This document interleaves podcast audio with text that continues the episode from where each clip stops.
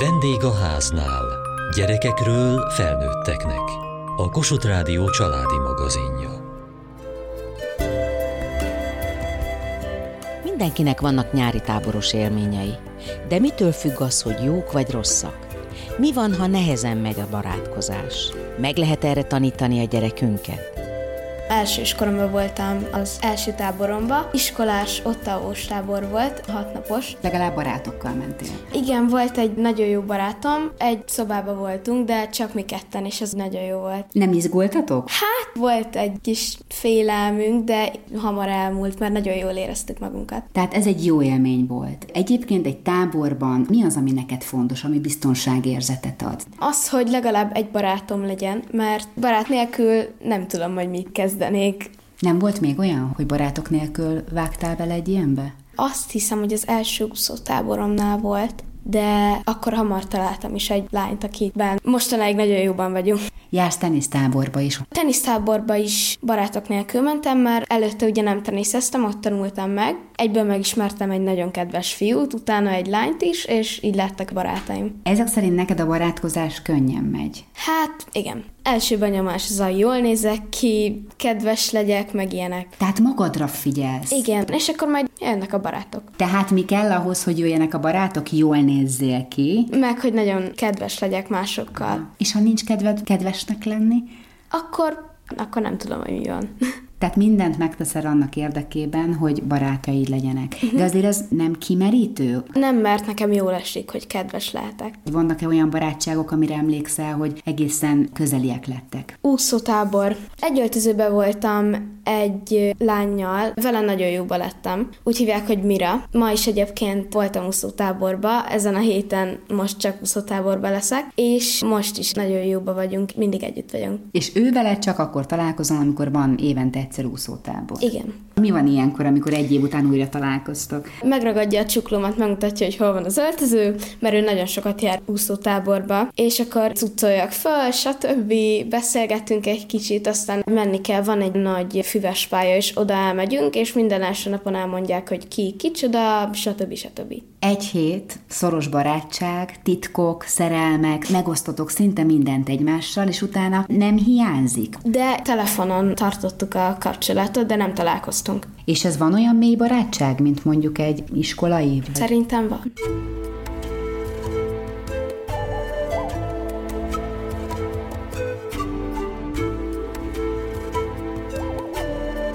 Adél ezek szerint nem egy izgulós lány, könnyen feltalálja magát, de az anyuka izgulta érte mondjuk az első ottalvos táboránál, vagy bármikor. Igen, hát az első ottalvos tábor az nagy izgulás volt apával együtt, előre írtunk képeslapokat, amiket odaadtak nekik a táborban. Még elég kicsi is volt, úgy éreztük, hogy nem tudja olyan jól majd ellátni magát, de hát szerintem sok segítséget kapott. Az volt az izgalom, hogy ellátja magát, vagy az, hogy lesznek-e barátai, ez szempont volt. Igen, ott már ugye az osztályjal ment. A tanítónéniket is ismertük, ez könnyebbség volt, és nyugodtabbak voltunk.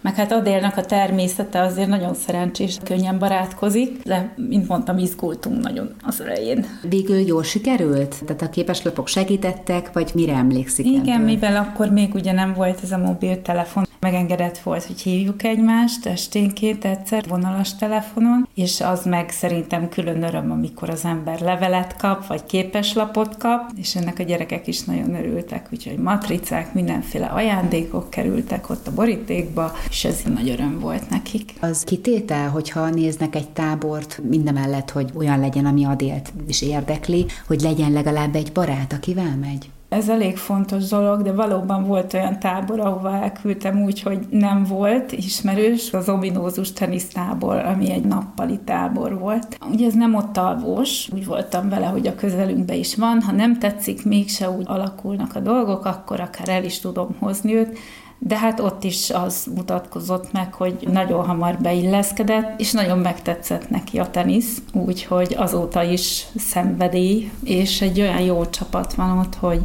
nem is hajlandó átjönni másik teniszklubba közelebbibe. Tényleg egy jó csapat jött ott össze, és nagyon profik az oktatók. Erre figyelnek az oktatók, hogy a gyerekek ne legyenek kiközösítve, ne legyen egyedül marad gyermek, mindenkinek legyen párja. Én úgy láttam, hogy ott volt erre figyelem, ugye a korcsoport szerint is, fiú-lány, illetve csapatokban, tehát nem csak egyéni játék, hanem együtt. Így talán könnyebb volt a beilleszkedés.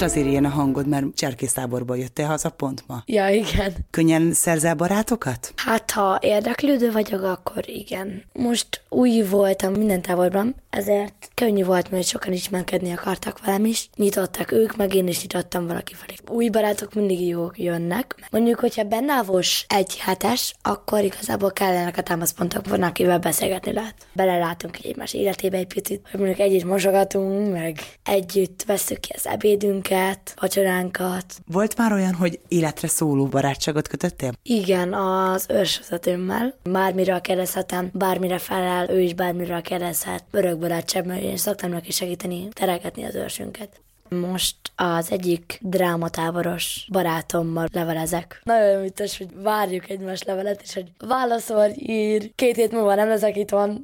Volt már olyan barátságod, amit nagyon szerettél volna, de nem jött össze egy táborban? Legjobb barátnő voltam egy lányjal, aztán elcsábította egy másik. Elég nagy háború folyik, mert volt egy barátnőm, akivel ő most állandóan játszani akar. Hát igazából ő nagyon akar velem játszani, csak nem akarja megsérteni a másik lányt. Én nekem ő súlyos ellenségem. És egy gyerek fordulhat egy tábor táborban valakihez? Kiközösítik, vagy senki se akar vele barátkozni? Igen, táborvezető.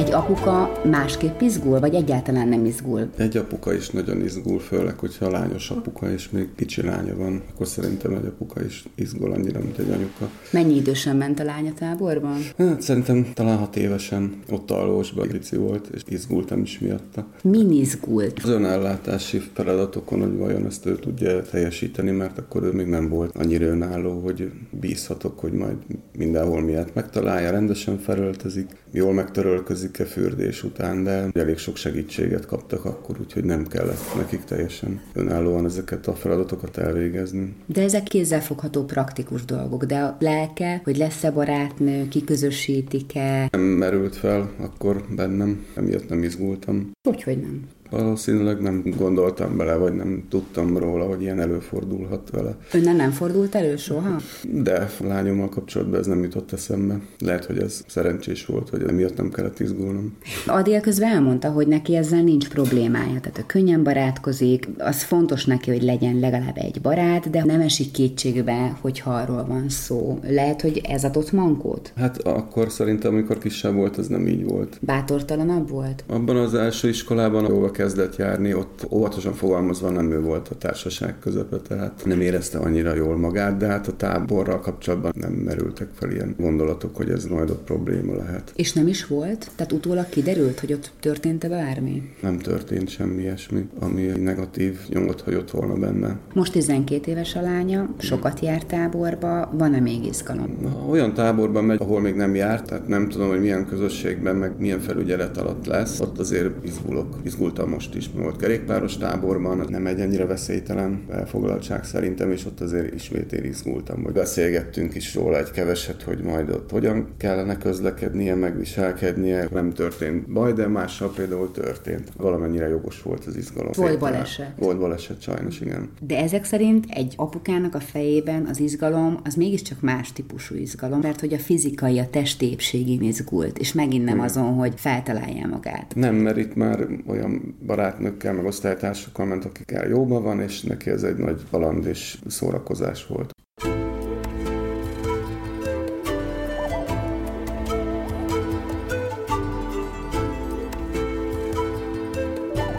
Voltam egy táborba idén, Én voltam a legidősebb az első pár napon. Segíteni kellett nekik, hogy megtalálják korosztályukat, az olyan embereket, akikkel szívesen barátkoznak, hogy jó programokat szervezünk nekik, csoportokba rendezzük őket, úgy sokkal könnyebben barátkoztóak. Én is egy új barátságra leltem, egy szobába kerültünk. Azóta is beszélek a sráccal egyébként, lehet, hogy találkozunk még valamikor. Amikor kisebb voltam, nem nagyon szerettem táborozni, mert mindig ott voltak a nagyobb testvéreim, mindig mindent jobban tudott nálam, mindig ott volt és beszólt. Azért járok vissza ezekbe a táborokba most, mert találtam ott barátokat.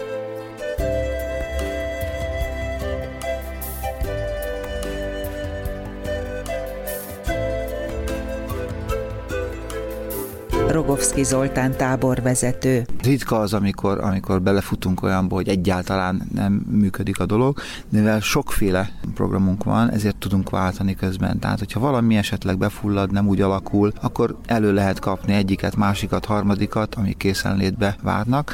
A nehézség általában nem ebben van, hogy az érdeklődésüket sikerüljön megragadni, hanem sokkal inkább a háttér munkákban. Tehát egy ilyen tábornak a szervezési háttérmunkája úgy néz ki, hogy amikor reggel bevásároljuk mindazt, amire szükség van a tábor során, akkor lényegében 24 órázunk, ugye megtartjuk a programokat, mi készítjük az ételeket, és amikor már lefürödtek, ledugtuk őket, olvastunk nekik, megvigasztaltuk, hogy hiányzik anyuka, lecsendesítettük azt, aki még nem bír magával, és csinálja a rajcsúrt, hogy a többiek nem tudnak aludni, akkor általában már éjfél van. És utána ül le a stáb, ketten-hárman szoktunk lenni felnőttek, és akkor beszéljük meg, hogy mi volt aznap, mit csináltunk jól, mi az, amit másképp kéne, mi maradt ki. Utána egyenként végigbeszéljük a gyerekeket, hogy hogy érezte magát, mit láttunk, miben kell neki segíteni, mi az, amiben visszafogni kéne, vagy másfelé terelni, és aztán még a másnapot előfordul, hogy ezek a megbeszélések kettőig, háromig is elhúzódnak, utána tisztálkodik az ember, és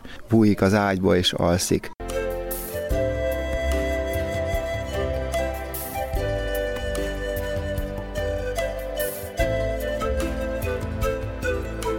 Mi volt ma a táborban? Bent voltunk az épületben, mert esett az eső, utána bementünk egy vakemberes órára, utána pedig elmentünk ebédeni, és kimentünk a sátorunkhoz. És egy idő után elmentünk fagyizni, és amikor visszajöttünk, akkor játszottunk, és azután előre mentünk a bókaiba, hogy oda jöjjenek értünk a szülők. Mi az a vakemberes óra? Jött egy vakember, meg egy rövidlátó ember, és ők mutattak be egy órát, hogy hogy tájékozódik egy vakember. Ez egy olyan tábor, ahol nem kell ott aludni. Ez volt a második nap. Emlékszel rá, hogy milyen volt tegnap először bemenni a táborba? Félelmetes. Mi volt benne félelmetes? Mm, beiratkozzák meg a többi gyerek. Milyenek voltak azok a gyerekek? Nagyobbak nálam. Az a félelmetes, hogy nagyobbak. Az nem félelmetes, hogy nem ismered őket? De, az is. Na és, hogy telt az első napod? Megismerkedtem egy lányal, barátok lettünk, és a második napon is együtt játszottunk. Akkor most már van barátod? Igen. Ma szereztem még egy barátot, szóval kettő. És akkor holnap? Holnap is félni fogsz, amikor reggel bemész a táborba? Nem, nem.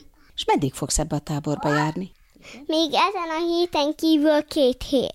Szívesen mész? Szívesen. Mert szeretem a rajvezetőt, és ismerem, és ezért. Arra gondoltál már, hogy mi lesz, ha vége lesz? Hogy fogsz majd a barátaiddal találkozni? Nem fogunk. Nem. Te óvodáskorodban is voltál táborban. Az milyen volt? Egy nagy kölcsönházban voltunk, az emeleten voltak szobák, mi az első emeleten voltunk, az a lányszoba volt. Az óvónőim vigyáztak rám.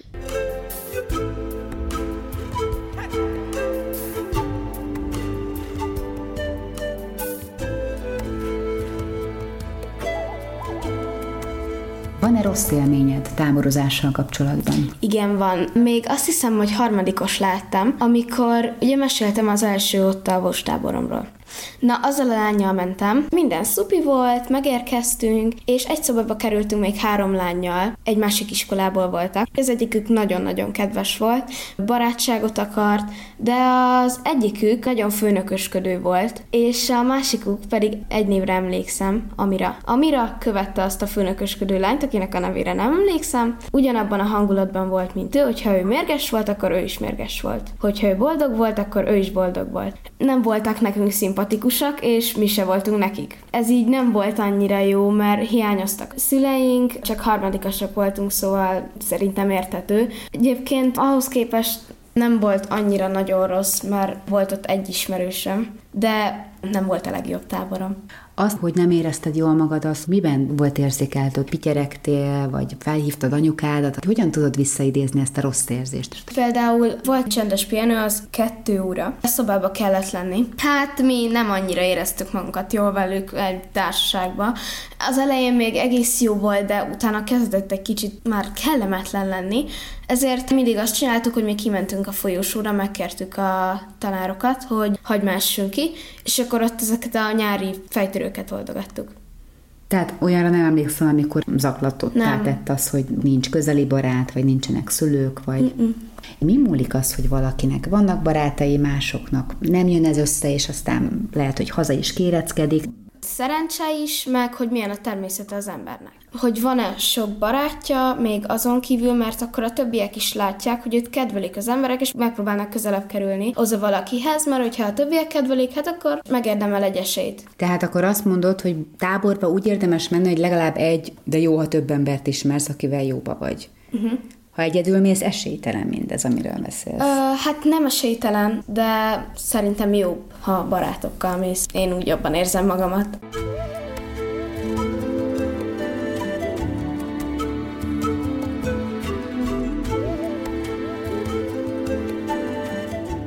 Van mély emlék, tehát olyan élmény, amit felnőttként, most, hogy 12 éves lánya van, fel tud idézni, hogy az nagyon mély nyomot hagyott. Hát van egy pár véget nem érő úttörőtáborok. Rossz volt, és már nagyon, várt, hossz, nagyon, lesz, nagyon hosszú volt. Nem volt egy olyan vidám közeg, amiben túl jól éreztem volna magam, és az egy hét vagy tíz nap az rettenetesen sokáig tartott. Mi nem volt vidám? Hát mindenki idegen volt, nem voltak ott osztálytársaim, teljesen validegenekkel voltam. Egy ilyen nem is tudom már, hogy kerültem én igazából oda, de volt ilyen nem kellemes élményem. És sok napig nem is tudott barátokat szerezni? Nem annyira. Furcsán teltek a napok, nem történt semmi érdekes vagy szórakoztató. Több élményről mesél, tehát volt úttörő tábor. Voltak több napos táborok, szintén iskolai, de ott is felsősökkel viszonylag ismeretlenek között voltam, úgyhogy ezek, ami, ami nagyjából ilyen azonos élmények maradtak csak meg. Arról beszélünk, hogy ez nem jut eszünkbe, csak a fizikai jólét, és közben, amikor meg felidézi a gyermekkori táboros rossz élményeit, akkor rögtön az az első emlék, hogy nem voltak barátok, egyedül voltam, sok volt az idegen, és hogy ez nem volt jó. De most mégse jutott eszébe, amikor a lányáról volt szó. Nem, mert nem tudom, talán többet gondoltam belőle, hogy ő más személyiség, mint én, vagy ezeket jobban le tudja kezelni, és ezért nem is fordult meg a fejemben, talán talpra esettem emiatt.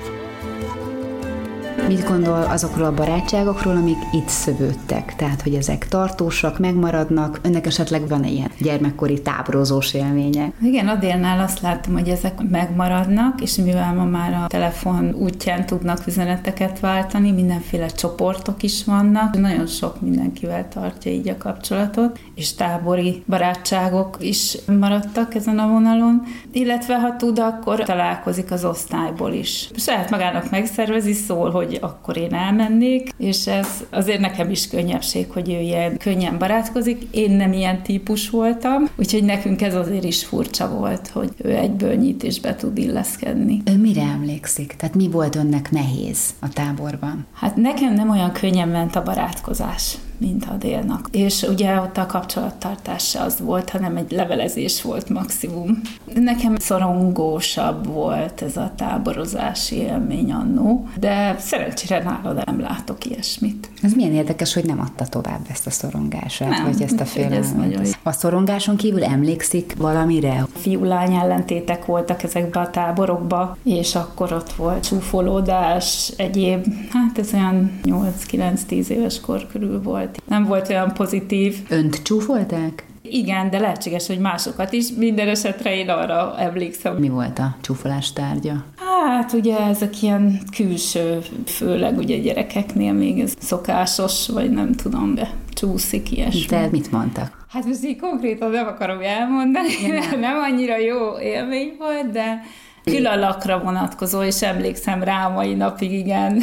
Tehát emlékszik pontosan, hogy mit mondtak Igen, önnek igen. 9-10 éves korában? Igen, arra emlékszem. Nem volt kellemes, de hát persze az ember túl lép ezeken a dolgokon. Hogy tudott ezen túllépni? Mi volt a védekező stratégia, vagy volt egyáltalán? Akkor nem azokkal barátkozik az ember, akik esetleg kiközösítették vagy csúfolták, hanem keres más barátokat, vagy én úgy láttam, hogy akkor is a tanítók, tanárok azért ezekre figyeltek, és hát egy idővel felnő az ember már nem úgy látja visszatekintve ezeket a dolgokat, hogy ezek olyan fajsúlyosak voltak. Ha most a kislányának ilyen típusú csúfolást mondanának, mit tanácsolna neki? Hát van ilyen az iskolában, igen, előfordul. Ezeket meg szoktuk beszélni. Neki konkrétan ugye az arcforma, fogazat, ugye fogszabályozás, hogy ez még nem fejeződött be nála, ezek jönnek elő. Ez még nem a végleges állapot, nem ilyen lesz. Majd a foga, ha majd föl tudjuk tenni a kihulló fogak után a fix fogszabályozót, tehát ugye erre vonatkozóan voltak csúfolások, és ezt megbeszéltük, hogy ez nem marad így. Én nem is látom. És egy, tehát Jó, ezt is megbeszéltük, hogy ez nem egy akkora dolog, tehát ezt a fogszabályozó orvos látja.